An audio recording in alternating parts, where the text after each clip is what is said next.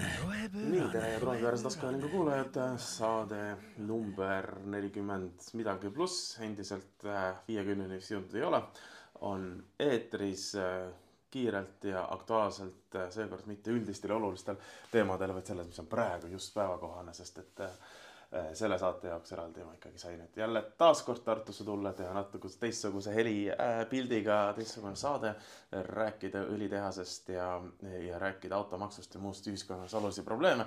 nagu ikka mina, Mart Valner Arengukoostöö ümarlauast ja koos minuga on siin taaskord Madis Vasser, Eesti Roheline Liikumine ja me oleme täna jälle Eesti Rohelise Liikumise kontoris, seega see kontor asub äh, ühes kortermajas, mis tähendab, et nagu kortermajas ikka, naabrid teevad kogu aeg remonti, ka täna.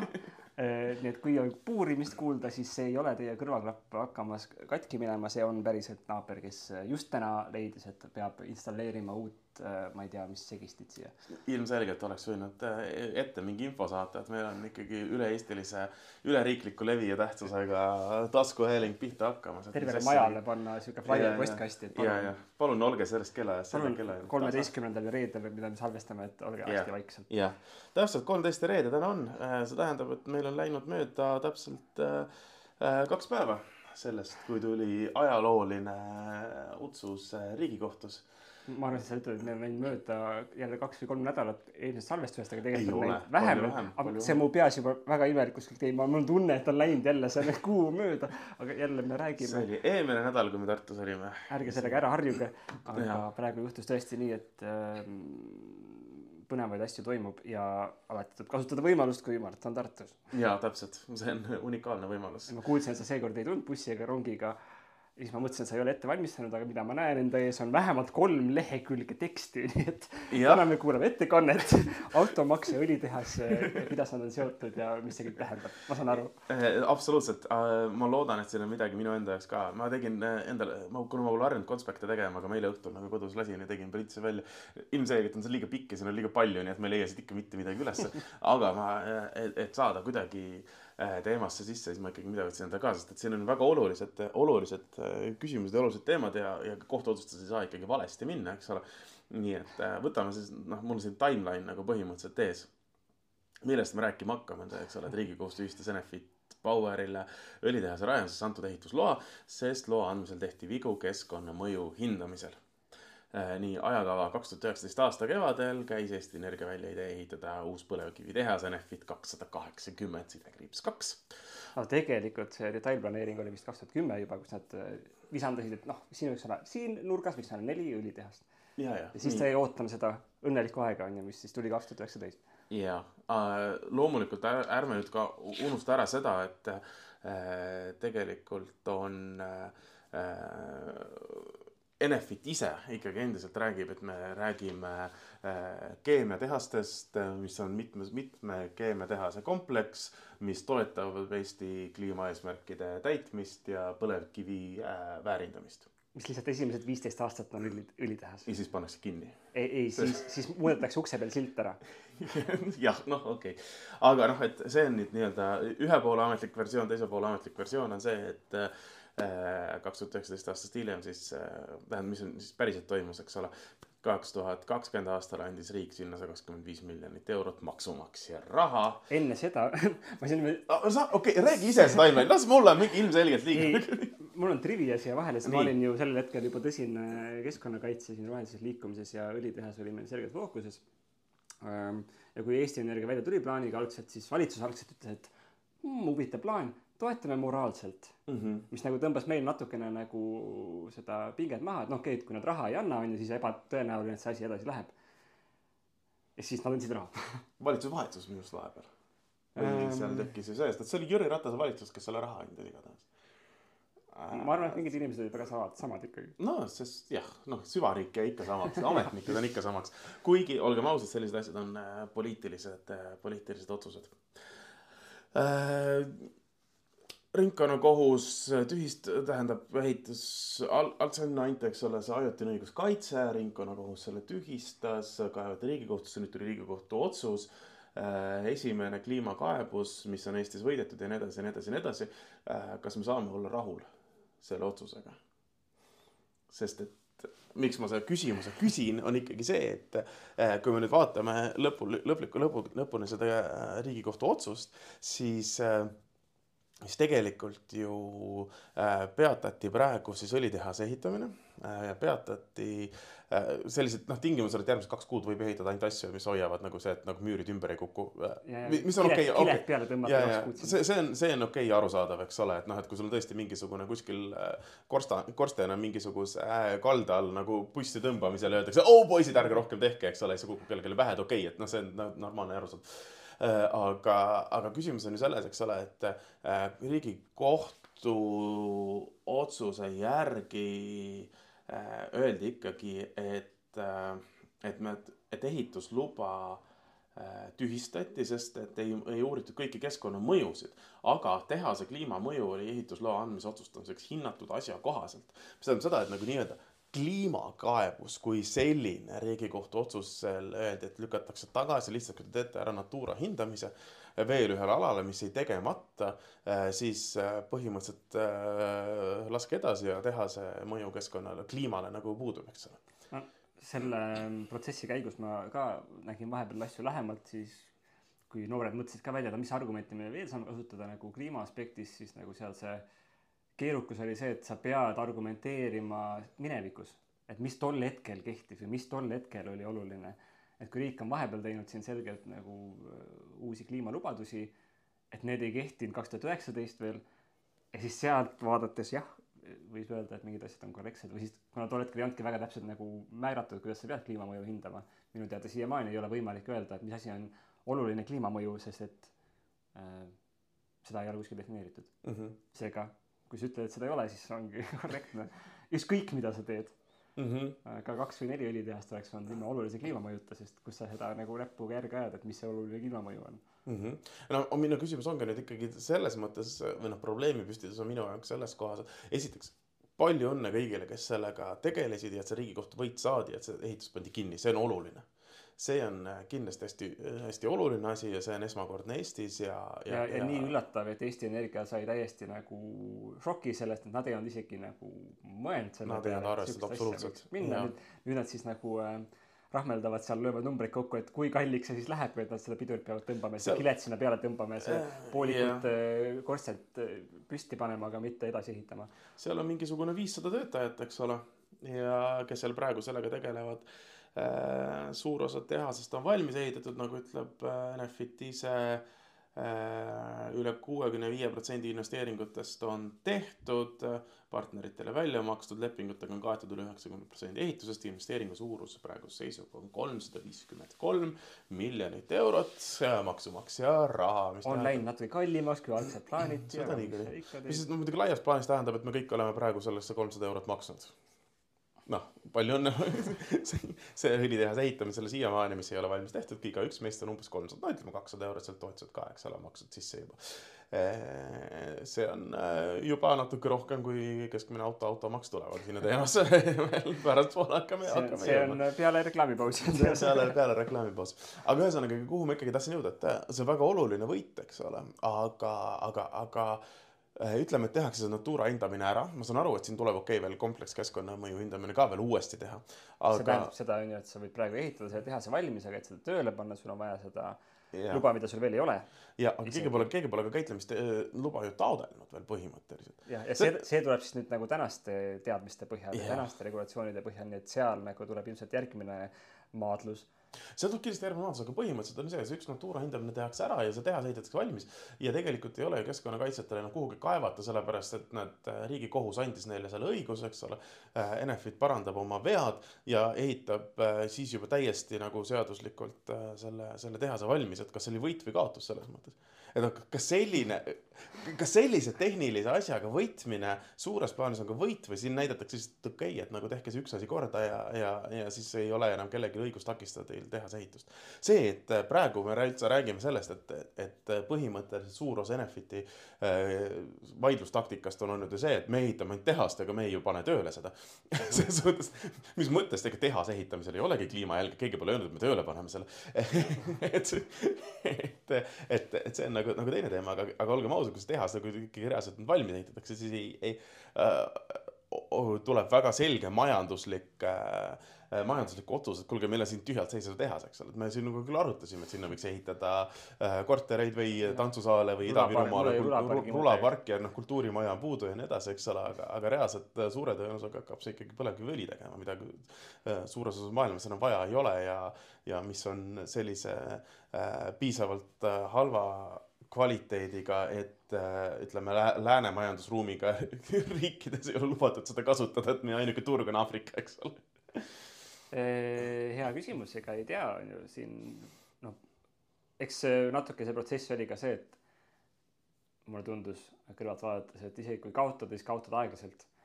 ja mhm. praegu on isegi nagu võidetud, on ju, võidetud seda aega juurde ja see on see, mis äh, õlitehasele kindlasti paneb põntsu, et, äh, et neil on väga, väga, väga vaja olla kaks tuhat kakskümmend neli juba töövalmis, sest et sellest aastast olenevad mingisugused järgmised heitmekvoodid ühesõnaga, kui nad seal tööle ei saa seda, siis pärast hiljem on juba nagu mingi rong läinud ja siis neil on hästi kalliks ja nende noh, see tasuvusanalüüs, mida keegi ei ole näinud, on ju mm, -hmm. mis pidi olema väga hea, suurepärane. ilmselt see istub sealsamas riiulis selle kliimakavaga, mida ei ole olemas. Ehm, noh, et see võib minna ka aknast välja, mis tähendab, et lõpuks võib-olla Eesti Energia ise vaatab, et kurat, ei olegi mõtet nagu nojah, aga siis meil on lihtsalt, äh, kes see vastutab äh, te,, tegelikult täiesti aus küsimus. Äh, see on algusest peale olnud äh, otsus, mis see on olnud väga riskantne otsus äh, midagi sellist ehitama hakata mm, -hmm. teades, et äh, kogu Euroopa ja sealhulgas ka Eesti on liikumas äh, selgelt fossiilkütustest välja ja, ja taastuvenergia ja kliimaneutraalsuse poole. ükski erasektori põlevkiviettevõte ei oleks isegi mõelnud selle peale. täpselt, eks ole, ja ükski erasektori pank ei tahtnud ka sellele toetust anda, eks ole, sellepärast et sa ei, see noh, see on liiga riskantne otsus, see otsus võeti vastu, see on praegu, kui me loeme Enefiti enda arvutust, läinud ole, kolmsada viiskümmend miljonit kui me seda rohkem midagi juurde ei ehita, niikuinii tuleb sinna paarkümmend miljonit veel juurde, kui me otsustame, et sellest, et me seda valmis ei tee, mis iganes muud, noh, see tuleb ära lammutada näiteks või mis iganes, eks ole. kes vastutab selle eest, kes vastutab selle eest, et keegi võttis riski äh,, pani kolmsada viiskümmend miljonit hakkama, et ehitada mingisugune hoone kuhugi, mida ei saa kasutada, sest et isegi kui nad võidavad, saavad uued hindamised, ehitavad selle valmis paarkümmend miljonit veel kallimalt siis äh,, siis tuleb seesama see käitlemislubade kohtu, kohtu mhm. case, eks ole, käitluslubade kohtu case paar aastat ja nii edasi ja nii edasi ja nii edasi, eks ole, sest noh, suure tõenäosusega sealt saab ka ikkagi ajutisõiguskaitse vähemalt mm. -hmm et, et, et, lõpptulemusena, kes see vastutab selle eest ja siis, kui see saadakse, ütleme, et saadakse tööle, eks ole, umbes samal aastal, kui see Eestis, Eesti, ma ei tea, ideaalis moodultuumajaam tuleb, eks ole. Kaks tuhat kolmkümmend viis umbes lõpuks pannakse tööle, eks ole. mis me räägime, et kuulge, et meil on tegelikult nagu kliimaneutraalsus kaks tuhat, noh, ütleme ideaalis kaks tuhat nelikümmend, eks ole. siis ta, aga siis ta lähebki kohe selleks keemiatehaseks, vaata, sa ei pea seda viisteist aastat äh, õlitehast tegema no sest keemiatehase osast ei ole no. täpselt aru saanud, aga muidugi mida see, ma, Eesti riik hakkab küünelakki tegema, ma ikka nagu ei kujuta seda ette. suitsupääsuke peal, eks ole. õige eestlane kasutab Eesti Energia küünelakki. ja, ja see, see kõlab täpselt nagu mingisuguses nõukaaegse kana hakkliha reklaam, no tegelikult nagu no, täiesti no.. no ma arvan, et Eesti Energia nagu näitab näpuga paberi peal, et omaniku ootus oli see mm. -hmm. Eesti riik on süüdi. ja see on nagu Võrklaev tegi jälle ühe jama ja siis Eesti riik, kes iganes äh, tol hetkel on Eesti riigi eesotsas, ütleb, et ei, ei, see oli ikkagi nagu Eesti Energia mingisugune nõukogu otsus. ja siis äh, põrgatavad edasi-tagasi ja lõpuks siis leitakse, et keegi ei olnudki süüdi, sest et noh, põlevkivisektor ütleb ikka ja alati, et seda ei olnud võimalik ette näha mm. -hmm. no keegi ju ei osanud ette näha, onju. mis sest, et olid petitsioonid, olid äh, igasugused algatused, et ärge ehitage seda asja, seda ei ole vaja. ma mäletan isegi minul oli kunagi arvamuslugu, et, et isegi Eesti Energial ei ole seda õlitehast vaja ähm, see oli vist seotud ka sellega, et õli hind läks vahepeal nii kuhugi põhja, et, et häda oli, et leida ostja mm. -hmm. aga sektori enda inimesed lasevad lauluga edasi ja ütlevad, no ei olnud võimalik näha ette. Nemad, et nad on nagu kuidagi nii, nii selles tunnelis sees. ja see ongi võib-olla siis nende vabandus, et noh, et me oleme eksperdid ja me ei näinud seda ette, see on force majeure ja noh, elame sellega ja tore, et Eesti inimesed maksid kolmsada euri. ei no aga see, seal ongi see küsimus, eks ole, et okei okay,, et see, et sul on äh, mingisugused hullud kliimaaktivistid protesteerivad nagu iga asja peale, eks ole, et see on nagu okei okay ja sa ei peagi seda oma plaani sisse võtma, kui sa oled suur, eks ole äh,, suur äh, fossiilkütusettevõte, eks ole, et noh, et sul on mingisugused noh, viiskümmend aastat mingid aktivistid nagu kuskil nurga taga olnud, eks ole. Nad vehivad mingisuguste arengukavade ja, ja raportitega. mingi jama, eks, kedagi ei huvita, eks. ei no aga, aga, aga olgem ausad eks ole, aga see, kui sul nagu äh, majanduslikult mõtlevad erapangad ütlevad, et kuulge poisid, me ei anna raha, see on liiga riskantne, eks ole. vaat meie analüüs, mis ei ole seotud nagu mingisuguste noh, ebaoluliste asjadega nagu kliima, keskkond ja muud asjad, vaid on seotud sellega, kas me saame oma raha tagasi või mitte, ütleb, et kuulge, me võib-olla ei saa oma raha tagasi, siis see peaks mõtlema panema ju. Nendest sellele- peaks aru saama. sellele oli vastus olemas, kui oli EKRE valitsuses, siis öeldi kohe, et noh, pangad on lihtsalt ideoloogilised.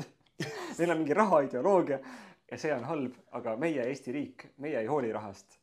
Meie hoolime, no ja siis sa leiadki nagu teisi vabandusi, et no õlitehas on hea sellepärast, et viiskümmend töökohta. jah, me Eestis Ida-Virumaal viiskümmend töökohta, kas see 50 rikub ära, kas see lahendab ära selle kogu me probleemi saame või? toota õli, mida me ise ei kasuta, aga äkki ühel päeval jälle on ju maagaasi hind läheb ülesse, siis me hakkame igas katlamajas kütma hoopis õliga ja meie õhureostuse näitajad lähevad noh, täiesti võssa, aga vähemalt on olemas. nagu See- see on see nagu päästekõrs, mida seal tuuakse välja, et ükskõik palju maksab, ükskõik nagu mis trahve me peame katlamajad maksma. tuleb ümber käitada, see ei ole lihtsalt see, et ma panen gaasi asemel nagu. Ka ma vahetan juhtme ära. see on ka just, me teeme seda teisest sellepärast, torust tuleb nagu. Eesti riik toodab põlevkiviõli sellepärast, et meile meeldib seda teha, kui me vaatame energeetiliselt, sageli nagu tuuakse näiteid on ju, et kui palju sa paned sisse, kui palju saad tagasi on ju, et nagu aa, nagu naftal oli algselt oli, panid ühe ühiku sisse, sada said tagasi on ju, nüüd on umbes, et saad kümme tagasi, sest on läinud kehvemaks. põlevkiviõli puhul sa paned ühe sisse, saad ühe tagasi. See on täiesti mõttetu. me teeme seda üle saja aasta juba nagu see on nagu laps, kes liivakastis mängib, et tõstab, eks ole, mingisuguseid liivakujukesi nagu ühest kohast teise nagu. aga jumala põnev on nagu. Tunde, tunde järgi, tagasi. tõstad tagasi, ja, ja, täpselt. tõstad ühele poole, siis tõstad teisele poole, siis tõstad ühele poole. laps saab. tööd, piirkond, liivakast areneb on ju, vahepeal nagu jah, tolmu lendab seal nagu no pole, mis sa ikka teed, tööstus ikka toodab tolmu. natuke on kõik räpased ja mustad, aga noh, see on ju pärast saab ära pesta. just. et natukene nii on, aga no et see ei olegi jällegi, see on, see on nagu ma olen mitu korda öelnud selle tuumajaamakesega ka, et, et see ei ole ratsionaalne debatt, see on lihtsalt nagu keegi on otsustanud, see on äge ja siis me teeme. see tuumajaama debatt oli just jälle ju, või mis ta, see ei olnud isegi debati peal, Andrus Ansip, Ansip ikkagi, ma kuulasin siin Kuku raadios enne neljapäeval ehk siis eile toimunud äh, seda Eesti elektrivõrgu konverentsi, rääkis ikkagi väga, väga selgelt, et see on meie ainuke reaalne tulevikuvariant. ta küll väitis, et me ei ole kümme aastat ühtegi tuuleparki ehitanud, mis avati kaks nädalat tagasi, just uus äh, Tootsi tuulepark, aga noh, detailid. detailid, eks ole. Mina- mina- aga, aga enne seda oli see täiesti õiges suhtes, enne seda tõesti ei olnud ka Eesti dekaadi ehitanud Ma- ühtegi suurt äh, tuuleparki. ma nägin seda ürituse kava ja ma refresh isin kolm korda, et mis mõttes, kas tõesti on Eestis võimalik, et räägitakse elektrist niimoodi, et Fermi Energia ei olegi laval. ju, ju siis ta tuli nagu ümber nurga, on ju, aga, aga see oli tõesti hämmastav, et äh, jaa, aga sellepärast see oli elektrivõrk, vaata. et seal ei räägitud no, no, vist nii palju jällegi vahet on igal pool. varsti tuleb äh, Ida-Virumaa sihuke visiooniseminar, mida korraldab Fermi Energia, et äh, rääkida piirkonna tulevikust ja noh, eks see tiirleb siis nagu nende üritusel kõik ümber selle, et meil on üks pisikene tuumajaam kuskil. aga mitu töökohta, seal peab ka arut-, hakkama võrdlema, et põlevkiviõlitehas on, eks ole, viiskümmend töö, töö, töökohta, et palju saab nagu Fermi Energiaga töökohti, et kui me saame kokku nagu kahe peale saavad seitsekümmend töökohta näiteks, et kas see lahendab Ida-Virumaa tööst-, töötuse probleemi ära või, või nagu noh, Ah, vot sa ei mõista seda matemaatikat, sa võtad seitsekümmend töökohta, siis sa arvutad sisse kõik nende pereliikmed, kõik nende nagu kaugemad sugulased, kõik need inimesed, kes töötavad, no pole üldse nendega seotud, aga töötavad piirkonnas ja tegelikult saavad sellest kuidagi kasu, nüüd lõpuks sul on ikkagi öeldud meil on neli tuhat viissada kuuskümmend kuus töökohta, mis on praegu sõltuvuses sellest. noh, see on see, mida me oleme kogenud ah, ma, ma, ma, mõtlesin, kui sa selle põlevkiviõlitehase puhul, eks ole, räägid, et sa võtad nagu sugulased ja kaugemad sugulased ja naabrid ja, mõtled, nende, nemad kõik kannatavad selle õhureostuse ja kliimamuutuse käes, et need ma, ma olen jumala veendunud, et Eesti Energia raportis kuskil on kirjas, et õlitehas pakub tööd ka kliimaaktivistidele. järjepidevalt, pikaajalist, tasuvat, no mitte tasuvat. mitte tasuvat, aga tööd kindlasti, selles osas sul on täiesti õigus, sellega ma olen täiesti nõus, et äh, äh, kui sa selles suhtes ikkagi majanduse mootor. kõik sektorid saavad sealt midagi. jah, ühesõnaga, mis edasi saab? millest me räägiks, kui ei oleks õlitehast. jah, isegi meie saame, saame siin tööd, mitte väga tasuvat, aga mis edasi saab äh,? ütle sina mulle. õlitehasega või? no eks see nüüd ju oleneb, kui kiiresti nad siis siblima hakkavad selle, selle loaga, ma arvan, et neil on väga tuli takus, nad tahavad, et see saaks kiiresti mööda ja nad saaks jätkata. võib-olla see läheb, võtab aega, ju, sest peavad päriselt selle asja ära konserveerima. siis tuleb talv, väga halb on ju, ehitus on pooleli, võib-olla mõni asi laguneb ära seal natukene, siis tuleb kevad, hakkavad edasi ehitama, kui saavad uue loa. nii et jah, nagu noore minu arust ise ka ütles, et see oli osaline võit Ehm, et noh, see oli niisugune väike paus on ju, aga see, me ei tea nagu, mis sellest eskaleeruda võib, aga jah, et, et selgelt Eesti Energia ilmselt saab siit nagu edasi buldooserida üks hetk, aga millal see tuleb, mina ei tea.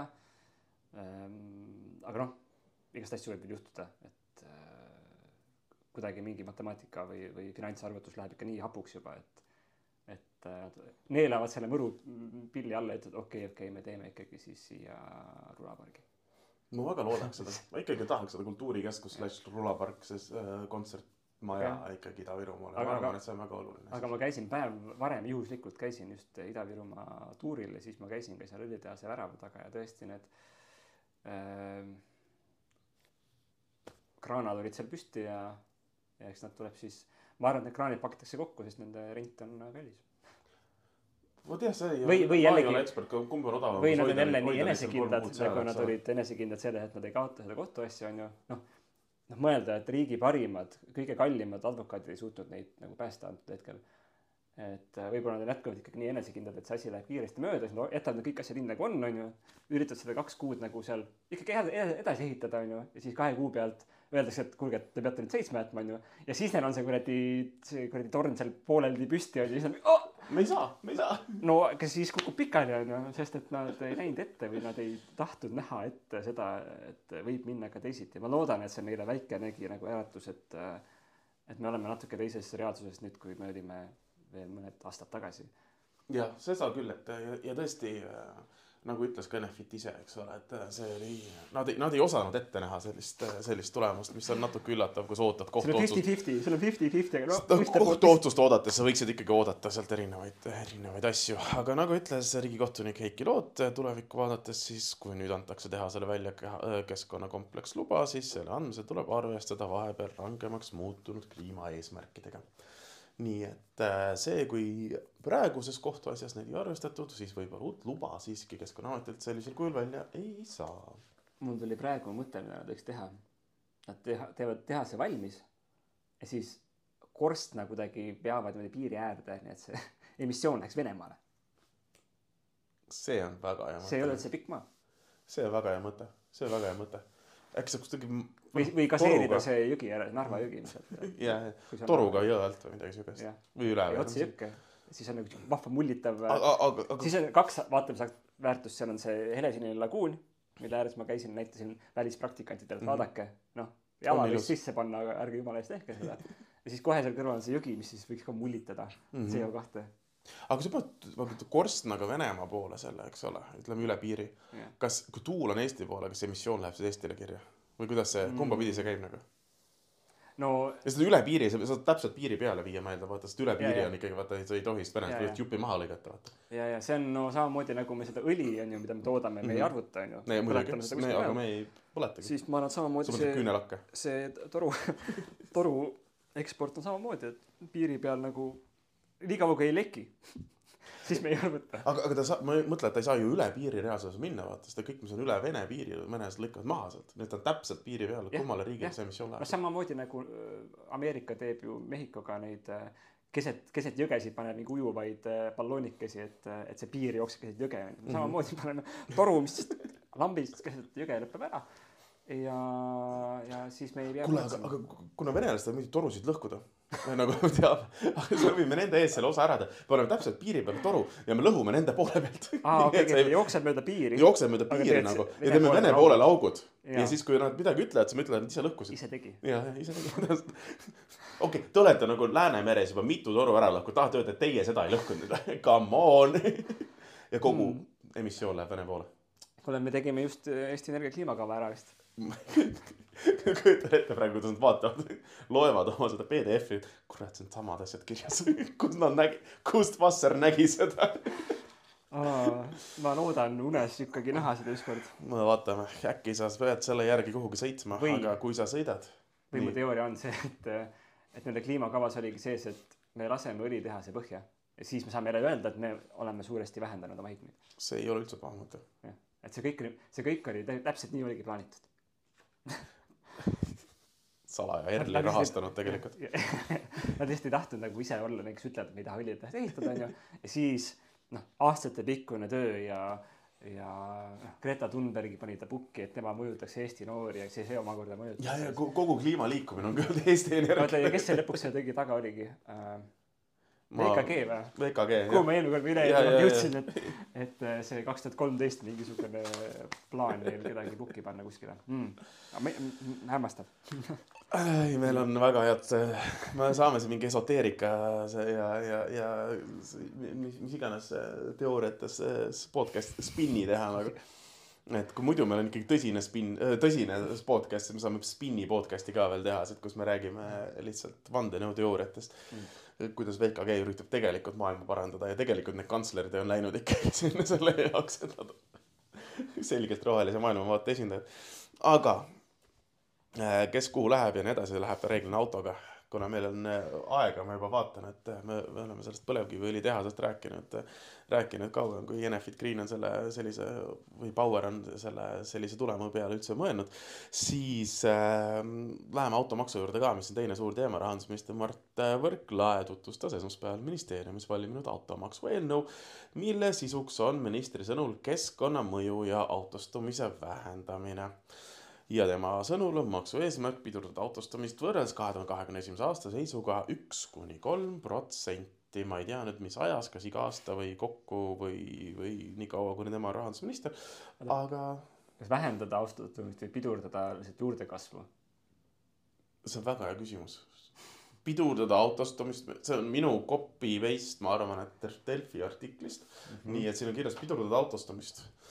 Siis see ikkagi kõlab nagu, et, et tuleb juurde, aga tuleks vähem üks protsent vähem autosid iga aasta või? see on siis umbes üks auto. no vaatame, kuidas see õnnestub. sellisel kujul küll jah. ma kaks tuhat kakskümmend üks aasta seisu ei tea, aga kaks tuhat kakskümmend kolm aasta esimese oktoobri seisuga on Eestis registrisse umbes seitsesada nelikümmend viis tuhat autot. vaatasin üle, Mhm. et äh, siis äh, kui me hakkame seda vähendama, siis see tähendaks umbes seitse tuhat viissada, mis iganes, seitsesada, seitse tuhat nelisada, mis iganes autot äh, iga aasta vähem, mis on päris äh, suur äh,, suur number. jah, kuhugi, kuhugi nad siis lähevad? ma ei tea ausalt öeldes, see pole meie mure. ülejäänud Euroopasse kindlasti mitte, kuna Eesti on viimane riik Euroopas, kus ei ole automaksu. äkki saab äh, jaa nii, Sa, ja, Saaremaa, Saaremaa võib silla teha nendest või? Ja uus automaks on suurem, kui olid eelmised äh, plaanid ja eelmised eesmärgid, oluliselt suurema, oluliselt suurema, suuremad summad tulevad igakuiselt ja, või iga-aastaselt ja suuremad on ka registreerimismaksud. Ja, aga samal ajal äh, äh, on siis äh, võrreldes varasema seisuga siis see vähendab, kasvuhoonegaaside heite vähendamine väiksem, kui olid eelnevalt madalamal, plaanitult on madalam, kui oli eelnevatel äh, maksusüsteemidel, ühesõnaga keegi ei saa tegelikult lõpptulemusel midagi aru. ja mina kuulan seda kõike veits nagu kalanäoga, sest ma ei ole autoomanik, ma ilmselt ei hakka autoomanikuks lähiajal. ma olen priviligeeritud linnainimene. isegi kui ma plaanisin vahepeal, et ma kolin ääremaale, siis ma ikkagi ka väga tõsiselt vaatasin bussiplaane ja vaatasin, noh, kui ma läheks tõuksiga linna, sinna suuremasse asulasse ja sealt läheks bussiga, ma saaks ka hakkama. ühesõnaga, ma olen selles mõttes äh, imelik inimene, aga ma olen üritanud harida, ma olen üritanud harida, ma olen lugenud äh, näiteks läbi selle Eesti Autoomanike Liidu petitsiooni, kus oli rekordarv äh, ja, ja, allkirjastajaid. ja sellega tekkis paar küsimust, aga võib-olla sul on enne veel mingit äh, üldist triviat. mu üldist trivi on, minu üldine trivi on minu automaks aastas praeguse autoga, mille ma, kui ma seda välja ei vaheta, on sada seitsekümmend kaheksa koma üheksateist eurot. kuidas sa üldse selle välja arvutasid, sest ma vaatasin ERR-i ERR-i lehel äh, jah. kalkulaatorit, vaatasin, ahah, vanus, mass mm, -hmm, mm -hmm. ja siis tuli heitmestandard ja siis ma olin täiesti eksinud. aga ma, mina, aga sa heitme, panid umbes, ei heitmestandard on autopassis kirjas ahah, ma eeldan, et nad ei hakka eraldi seda mõõtma, sest autopassis on kirjas, mis on selle Mm. auto heide. minu auto heide on sada seitseteist grammi eh, kilomeetri kohta, mis on see täpselt see miinimumstandard, mis on sama, mis kõikidel muudel asjadel. Škoda Octaviatel ja mingitel muudel asjadel, aga minu vaene. Škoda, keda kõik kotivad. vaene Škoda, keda kõik kotivad. aga kuna mu auto on, kaalub rohkem kui kaks tonni, siis, siis ma sain sealt kohe nagu. kas, kas sellest said aru, miks see täismass oli oluline, mitte tühimass? sest eh, vot sealt ma, ma lugesin mingit loogikat selle kohta, aga ma ei saanud väga täpselt aru. jah. kõik, kõik veavad kartuleid kogu aeg. kõik veavad kogu aeg kartuleid, täpselt. kottide viis kartuleid igale poole. Äh, selles mõttes tegemist on ikkagi äh, selgelt äh, tugevalt selgelt ja tugevalt ikkagi riigieelarve täitmisega seda ka Majandus- ja Kommunikatsiooniministeerium on ise öelnud, et tegemist on ikkagi selgelt äh, riigieelarve täitmisega. Äh, aga et noh, et selle külje pealt me ka ikkagi proovime natuke kaasa aidata keskkonna kaitsmisele, mille osas on muidugi paar küsimust. ja kui see õnnestub, siis on väga halb, sest siin ei ole autosid, mida maksustada. jah, võib ka nii öelda. küsimus on muidugi nüüd selles, et mis on nagu Eesti autopargi kõige suurem probleem, mida on aastaid ette heidetud, on see, et Eestis on Euroopa kõige vanem autopark Äh, Eestis on, äh, mis, mis ma sulle rääkisin, äh, seitsesada nelikümmend viis tuhat autot liiklusregistri järgi on nendest umbes kolmsada seitseteist tuhat kümme kuni kakskümmend aastat vanad ja siis veel terve potsu veel vanemad, nii et me räägime ligikaudu poolest Eesti autopargist on vähemalt kümme pluss aastat vana. mis tähendab, noh, suure tõenäosusega need on seost-, saastavamad autod, kui on uued autod. see, see oli see, kus see, kolmas valik, et standard puudub.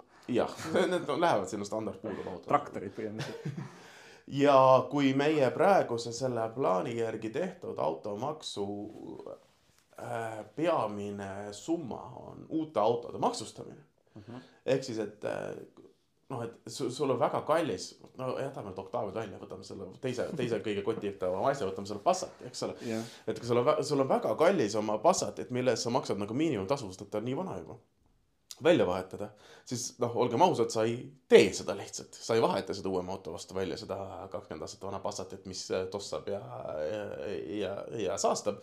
sest et sa maksad selle eest lihtsalt palju vähem, kui sa maksaksid uue auto eest ja eriti kui sa tõesti uue auto, täiesti uue auto ostmisele maksad vähemalt, eks ole, mingi kolm tuhat, neli tuhat eurot veel juurde, eks ole mm. -hmm. kuni, kuni, kuni veel rohkem, et, et, et ta on iseenesest äh, kui läbi maksustamise soovib, nagu Võrklaev ütles, muuta ajas inimeste ostueelistusi ja kalduda säästlikumate sõidukite soetuse suunas, siis tegelikult selle maksuga me kaldume üldse mitte. me lükkame edasi selle soetamise üleüldse. kõige selle kõrval äh, on äh, jah, ütles ka MKM-i poolt ise, eks ole, et see vanusekomponent, mis alates viiendast aastast hakkab vähendama maksukohustust, sihib natukene autoomanike maksuvõimet, aga tõsi, ta läheb konflikti keskkonnaeesmärkidega, sest vanemad autod on saastavamad. Äh, ütles üks Majandus- ja Kommunikatsiooniministeeriumi ekspert ise.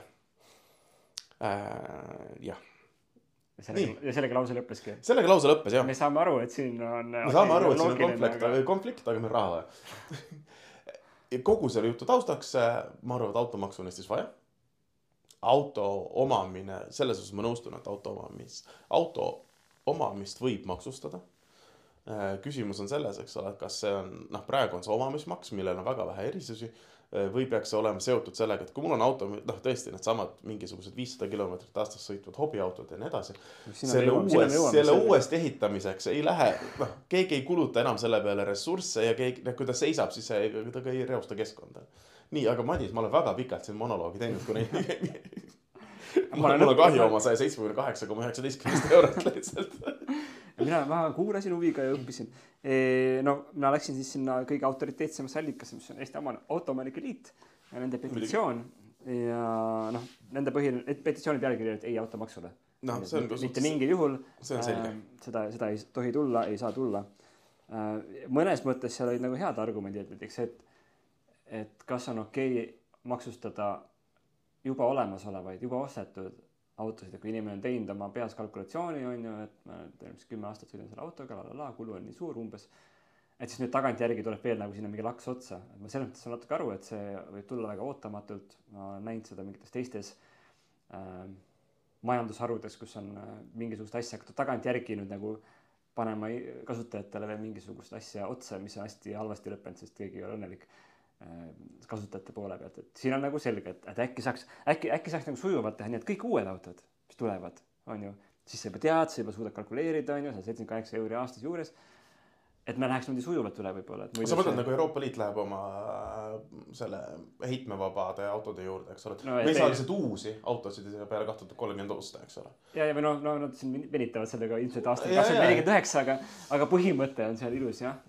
kuule, ma seda, seda, seda, seda ma ei usu, sellepärast et kaks tuhat nelikümmend tahetakse üheksakümmend protsenti ikkagi juba vähendada, et ma arvan, see, see, me ei saa nagu väga palju kauem üle.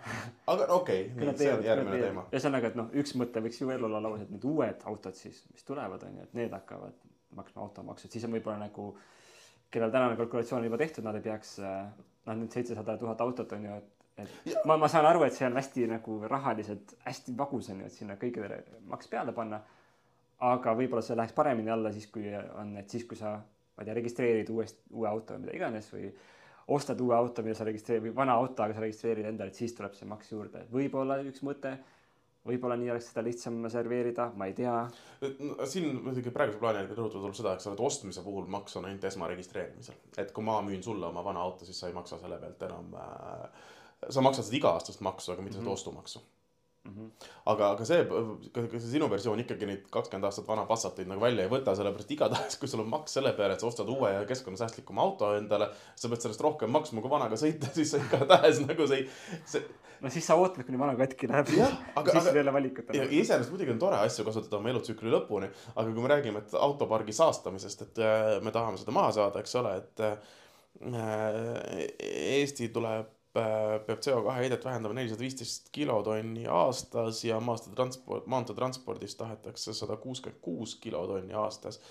ja selle automaksu uuringute järgi kõike muud taha-taha on see neliteist koma kuus kilotonni, mis sellest nagu kogu pluss on, igatahes, et kui me nagu üldse uusi autosid mängu ei too, et kõik sõidavad oma vanadega edasi, siis me ei vähenda nagu oluliselt seda, seda heidet. no aga seal on nagu mingi, mingi maani nad saavad sõita seda enam ei sõida, samamoodi nagu põlevkivisektoris räägiti õiglasest üleminekust no üks pakkumine oli, oli see, et aga ärge siis võtke enam uusi töötajaid lihtsalt onju, muidu oli see häda, et, et viis tuhat inimest korraga jäävad töötuks onju mm. -hmm. aga me saaks teha seda sujuvalt, ärme võta uusi juurde, vanad lähevad pensionile, kõik on hullult rahul nagu ja oli hea töö, hea elu, vahva onju, ei ole mingit sotsiaalset draamat. aga kui sa tahad teha seda vägisi ja korraga kõik on ja siis lihtsalt ei saa seda, siin samamoodi võib-olla selle automaksuga noh, need seitsekümmend seitse tuhat pluss inimest on nad lihtsalt ei maksa seda maksu ja siis sul on jälle eelarvekriis ja mingid muud sada häda ja sa pead hakkama inimesi vangi panema, ma ei tea, mis iganes. et see võib-olla ei tööta, küll aga see, seesama Passat, Passat, Passat ähm, seal Autoomanike Liidu pöördumises oli väga huvitav väide, et need vanad autod on juba teeninud tasa enda tootmisega tekitatud ökoloogilise jalajälje. et sa toodad Passati. kasutad ressursse, energiat ja siis sa sõidad sellega ringi, tossutad ringi kakskümmend aastat. ja kuidagi see on teinud tasa selle, et, et sa raisk-, ühesõnaga mul jooksis ka juhe kokku. ma ei saa aru sellest lihtsalt. no kui, kui see auto imeks sisse CO2 selle asemel, et seda välja lasta. ma saan sellest nagu põhimõttest aru, kuhu selle mõttega jõuda tahetakse. noh, et, et päikesepaneel no, on ta on juba kunagi toodetud ja noh, et uue auto kasutamine on nagu noh, et. no ma arvan, et siit võeti see analoogia, et sul on a la päikesepaneel on ju, sa tootmises kasutad ressursse, aga siis ta lõpuks toodab energiat rohkem, kui algselt läks tootmiseks on ju. või, või siis, või siis on see, et ütleme, kui sa järgmised viis aastat tahad sõita, sul on see juba, juba valmis tehtud Passat, eks ole, mis on kakskümmend aastat vana. ja mis sa sõidad niimoodi, et noh, et kõik näevad ja kuulevad, kui sa tuled, eks ole, tossupilv on taga ja, ja kõik muud asjad, noh, et sa näed, kui see ekvivalent lendab atmosfääri aga et sellega näiteks viis aastat sõita on äh, keskkonnasõbralikum kui ehitada uus säästlikum auto, millega viis aastat sõita, kui panna kogu autotsükli äh, see et ma kujutan ette, et see kuidagi sinnapoole tahetakse no jah, et, minna, aga samas tegelikult ei. et muidu, muidu ma oleks iga aasta ostnud uue auto, mis oleks mulle ekstra ehitatud, aga nüüd ma sõitsin ühe sama autoga.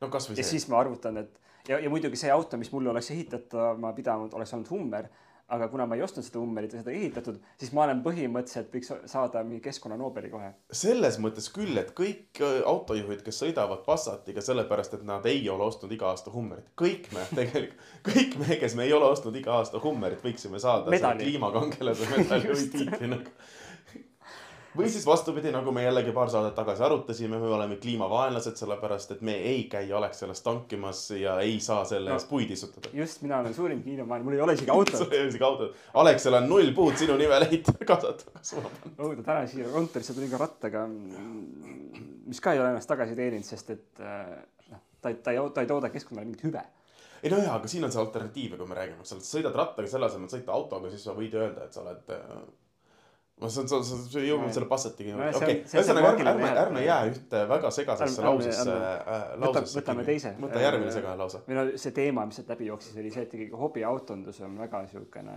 nähtavasti see, mis hoiab Eesti elu üleval. ja kui mm -hmm. nagu panna paarisaja eurone maks peale aastas, siis noh, kogu see subkultuur lihtsalt laguneb ja, ja see subkultuur laguneb, Eesti inseneriharidus laguneb mingi kontakt minevikuga, kõik kaob, kõik kaob mm -hmm. lihtsalt selle paarisaja euro pärast, siis ma mõtlesin oma peas, et okei okay,, hobiautondus ei ole just nagu ilmselt kõige odavam lõbu anyway. et sa, sa ei tee seda sellepärast, et noh, olin kodus, mõtlesin, kas ma hakkan nagu origaamit tegema või autosid putitama, onju. vaatasin, noh, kulu on sama. ei, sa lähed ostadki mingi viiesaja eurose karburaatori kuskilt äh, Kasahstanist, sest et ainult sealt saab ja sa oled õnnelik, onju. et, et ma ei usu, et see argument on äh, väga tugev. ma saan su sellest mõttest aru. ma ei oska kaasa rääkida sul ei olegi hobi mul ei ole hobiautot kunagi olnud, ma olen alati kasutanud autosid äh, väga äh, tugevalt äh, selle põhimõttega, milleks nad on loodud minu arust, ehk siis, et. Sina oled professionaal.. see on, ma olen professionaal ja see on mu töövahend. mul on vaja sellega transportida ennast ja oma pere punktist A punkti B. see on nagu literaali kogu selle asjanduse, aga kui see auto oleks kakskümmend aastat vana, siis oleks juba peaaegu et hobiauto. siis oleks juba peaaegu hobiauto. Iga päev natuke ei, putitad ei kuskil- selles suhtes küll, et ma mäletan, mul oli üks, üks nagu vanem auto, noh, esimene auto ikka ostad vanem auto, eks ole. sellega ma sain. Not anymore. see, see jah, seda jah, et see ei olnud nagu, selles suhtes see ei olnud minu hobiauto, aga mul oli siukene tuttavaks saanud äh, töökoda juba ja nende jaoks oli see kindlasti hobiauto, sellepärast et igakuiselt said selle autoga tegeleda, eks ole. ja mina sain teha arvutusi, et kas uue auto liising on äh, kallim või odavam, kui iga kuu seesama raha anda sinna ehitus või mitte ehitus, vaid eh, remonditöökotta, aga noh, jah. ma arvan, et siin nagu võib-olla üks lahendus, kuidas, mis aitab võib-olla kõiki osapooli, on see, et nii nagu õlitehas brändib ennast keemiatehaseks, nii nagu VKG brändib oma tselluloositehast biotoodete tehaseks, võib-olla siis ka automaks võiks olla nagu midagi positiivset, staatuse maks näiteks. Et sa näitad, et sa oled nii rikas, et lisaks autole sa saad veel maksta sinna peale. ei no luksusmaks, automaks kui luksusmaks tehtud korras, keegi ei hakka rääkima midagi. eks see keskkonna aspekt, samas noh, jällegi jõuame selle sama asja juurde tagasi. automaks, autostumine on äärmiselt oluline probleem, eks ole äh,. automaksuga autostumise vähendamine on asi, mida kõik riigid peale Eesti Euroopas teevad et see kõik kõlab loogiliselt, aga kui sa ütled, küsimus on selles, et kui me räägime riigist, kus on endiselt Euroopa kõige saastavam autopark ja me ütleme, et me tahame seda parandada sellega, et me teeme uue auto ostmise kallimaks, siis ta lihtsalt ei kõla loogiliselt. et aastamaksud me teeme väiksemaks, et olgu, et need kõik, kes vanade Passatitega sõidavad, et te maksate vähem, kui meil vana arvutusega oli aga kui te tahate seda uuema vastu vahetada, et noh, siis te maksate nagu topelt, et sõitke ikka natuke aega veel, eks ole. aga vaata, äkki ühel hetkel tulevad need toetused, nagu on see ahju ehitamise toetus praegu, et vana ahi välja, uus sisse mm. -hmm. et samamoodi varsti tuleb vana Passati toetus, mida saavad eksklusiivselt Passati omanikud taotleda, muidugi see infosüsteem äh, läheb kahe sekundiga umbe ja siis ta on kakskümmend neli kuud jälle paranduses, aga noh, põhimõte. ja, ja, ja no elektriautole saad toetust osta ju viiekümnest tuhandest, eks ole. viiskümmend tuhat elektriauto, viis tuhat automaksu, viis tuhat toetust ja. siis nagu nende auto, autotoetustega on see, et sa pead garanteerima, et sa sõidad umbes neli ringi ümber maailma selle autoga järgmise kahe aasta jooksul, sest et muidu ei anta. jah, aga noh, aga, kuskil on see aga ta on olemas, aga ta on keskkonnasääst. olemas, aga Kuskil on see keskkonnasääst olemas. ühesõnaga, ma muide veel üks lisaarvutus sinna, ma vaatan, et me oleme, läheb see osa siin natuke pikaks muidu. et kui me võtame ühe prots-, kui, kui me eeldame, et Eestis on seitsesada nelikümmend viis tuhat Škoda Octaviat mm. -hmm. kelle kõigil on see sada seitseteist grammi kilomeetri peale on äh, siis äh, ikkagi see äh, heitekulu ja nad kõik sõidavad kakskümmend tuhat kilomeetrit aastas, nagu on umbes keskmine auto, eks ole siis äh, ja me ühe protsendi nagu Võrklaev tahab neid iga aasta vähe maha võtame või kuni kolm protsenti isegi, siis äh, me eemaldame seitseteist koma viis kilotonni juba ühe protsendiga, mis on rohkem, kui see on need ees, praegused eesmärgid. nii et lihtsalt, kui me praegu äh, aga ta ei taha seda vähendada, ta tahab juurdekasvu vähendada, palju, mina lugesin välja, mina lugesin välja, et ta tahab vähendada. sa pead vaatama, palju igal aastal autosid juurde tuleb sa ei saa öelda, et riigi eesmärk on üks protsent vähem müüa. See, see ei ole nagu mingi keskkonnaeesmärk, et üks protsent vähem kasvu teha, nagu selles suhtes. me peame praegust seisu vähendama, kui me autostumist vähendada. nii et ma arvan, et see on, ma, ma, ma ar- loodan, et mina sain Võrklaevast, laevast ikkagi nagu õigesti aru ühesõnaga, kui me kolm protsenti oktaaveid vähendame iga aasta, siis me saame, mis ta siis on, üle neljakümne kilotonni äh, või üle viiekümne kilotonni isegi iga aasta vähendamist, mis tähendab seda, et me oleme juba kolmandiku peal selles maanteetranspordi vähendamise eesmärgis. nii et äh, põhimõtteliselt me peame eemaldama liiklusest kakskümmend tuhat sõitvaid oktaaveid, seitse tuhat viissada tükki iga aasta. ja, ja siis, siis meil on mõnus nende kaks pluss kaks maanteede peale vurada niimoodi, kus on hästi vähe autosid. täiesti hea oleks Tartusse sõita, kui ühte oktaavi tee peal ei oleks. ja, ja just konkreetselt neid. ma, ma siia lõppu veel teen siukse huvitava tähelepaneku, et Eesti Autoomanike Liit, kes ütles, et ei automaksule. väga resoluutselt mm. -hmm. see, see hävitab autoomanikke põhimõtteliselt noh, elu, tervise, pered äh,, noh, nad peavad lapsed maha müüma, et seda maksta. selle liidu liikmemaks on kakskümmend euri aastas, kakskümmend. see on vana auto puhul pool automaksust No, mis on viiskümmend euri aastas. kuidas nad saavad teha nii Eesti autoomanikele, kas nad üldse ei mõtle, kui raske on juba täna Eesti autoomanikel ja nüüd kakskümmend euri aastas. kuule, sa, see ei ole väike summa, kui sa mõtled, meil on seitsesada nelikümmend viis tuhat autot korda kakskümmend eurot. see on viisteist miljonit aastas, mille eest saab teha petitsioone. Eesti majandusest läheb see välja. see läheb. see läheb välja, sest et autoomanike liit, ta kogub selle mingisse reservi võib-olla, aga noh kui automaksu ei tule, mis nad siis ikka muud teevad? Nad võiksid, ütleme, kahekümne aasta, iga kahekümne aasta tagant enda õlitehase ehitada. Jah, vot siis oleks nagu täis, täis, täis niisugune tarneahel. Eesti, Eesti oh, autotootja peab olema, kes Eesti õli peal tiksub ringi ja me teeme Eesti standardi ka, millega arvutada seal, mis kuidagi näitab seda numbrit hästi väiksena, sest et kõik heitmed kogutakse kokku ja saadetakse Venemaale ühesõnaga nagu te teate, matemaatika ei eksi, nii et keegi ei saa vastu vaielda, et Eesti Autoomanike Liit teenib viisteist miljonit aastas. Äh, ma palun äh, Holger Roonemaa, kes seda kindlasti kuulab, palun teha järgmine uuriv lugu sellel teemal. jah, ja, ja kuidas tavaline autoomanik siis ägab selle ja. maksu all, mis, mida ta ei osanud oodata. vot ma käisin just neljapäeval äh, sellel vale, valeinformatsiooni, mis informatsiooni. ja kas, ja kas autojuht kaasati? Kas neid kaasati selle, selle liikmemaksu sätestamisse, noh? kindlasti ei kaasatud, aga ma arvan, et meie võiksime praegu väga tugevalt seda disinformatsiooni levitamise alguspunkt olla. et panna paari Telegrami kanalisse ka veel, kuidas Eesti Autoomanike Liit on viisteist miljonit aastas selle jaoks, et hoida eh, Eesti riigil, eh, kes tahab ainult paarsada miljonit saada oma automaksuga. see on geniaalne, aga see ongi ju nii, et, et äkki Eesti riik ise tegi Autoomanike Liidu, et saada see maks kätte niimoodi ümber nurga onju, ja siis riiklikult ei kehtestada seda, aga juba on raha käes. Iga aasta, mida suurem protest on, seda rohkem raha. Tuleb. kuule, meil on väga head teooriad. Me peame mingi teise podcast'i tegema. Ühesõnaga, aga ma arvan, et selle, nende kahe teemaga meil tänaseks aitab, see on juba viiskümmend minutit kestnud. ma usun, et meie äh, toimetaja sai, sai nii mõnegi pealkirja. Kuna Johannat äh, ennast äh, täna siin ei olnud meid takistamas kuidagi. ta ei mahtunud autosse. sa ei mahtunud autosse. suuremat autot vaja võib-olla üks hummer. jah, siis edu ja kui kellelgi on veel mõtteid, ideid ja ettepanekuid, millest võiksime kindlasti rääkida või keda kindlasti äh, külla kutsuda, siis äh, palun äh, kirjutage joanna.laastet.delfi.ee ja või kui, kui kuulete kuskil mõnda head heliklippi, siis saatke ka meile, sest meil näed, seekord jäigi, traditsioon läks katki, et meil ei olnud ette panna ühtegi Just. naljakat lauset. sest et ka meie jaoks tuli ootamatult see kohtuotsus, tuleb välja, me oleme Enefit Poweriga sama ette nägenud me, meie jaoks tuli see salvestus ootamatult meie jaoks tuli see salvestus ootamatult, jah Eh, ja siis, eh, oota, mis, mis see lause seal Delfi stuudios, mida me, kus me praegu ei ole, on seal, et eh, meie saateid on võimalik järelkuulata Delfi tasku rakendusest ja kõikidest meeldivatest keskkondadest või mis iganes. pange like ja subscribe ja, ja mis iganes. ja teie sõbrad, kes klikivad seda artiklit lahti, aga ei kuula, ässitage neid kuulama ka. me ja. teame, me teame, me näeme kes, kes kuulab ja kes ei kuula aitäh. ja head, head teed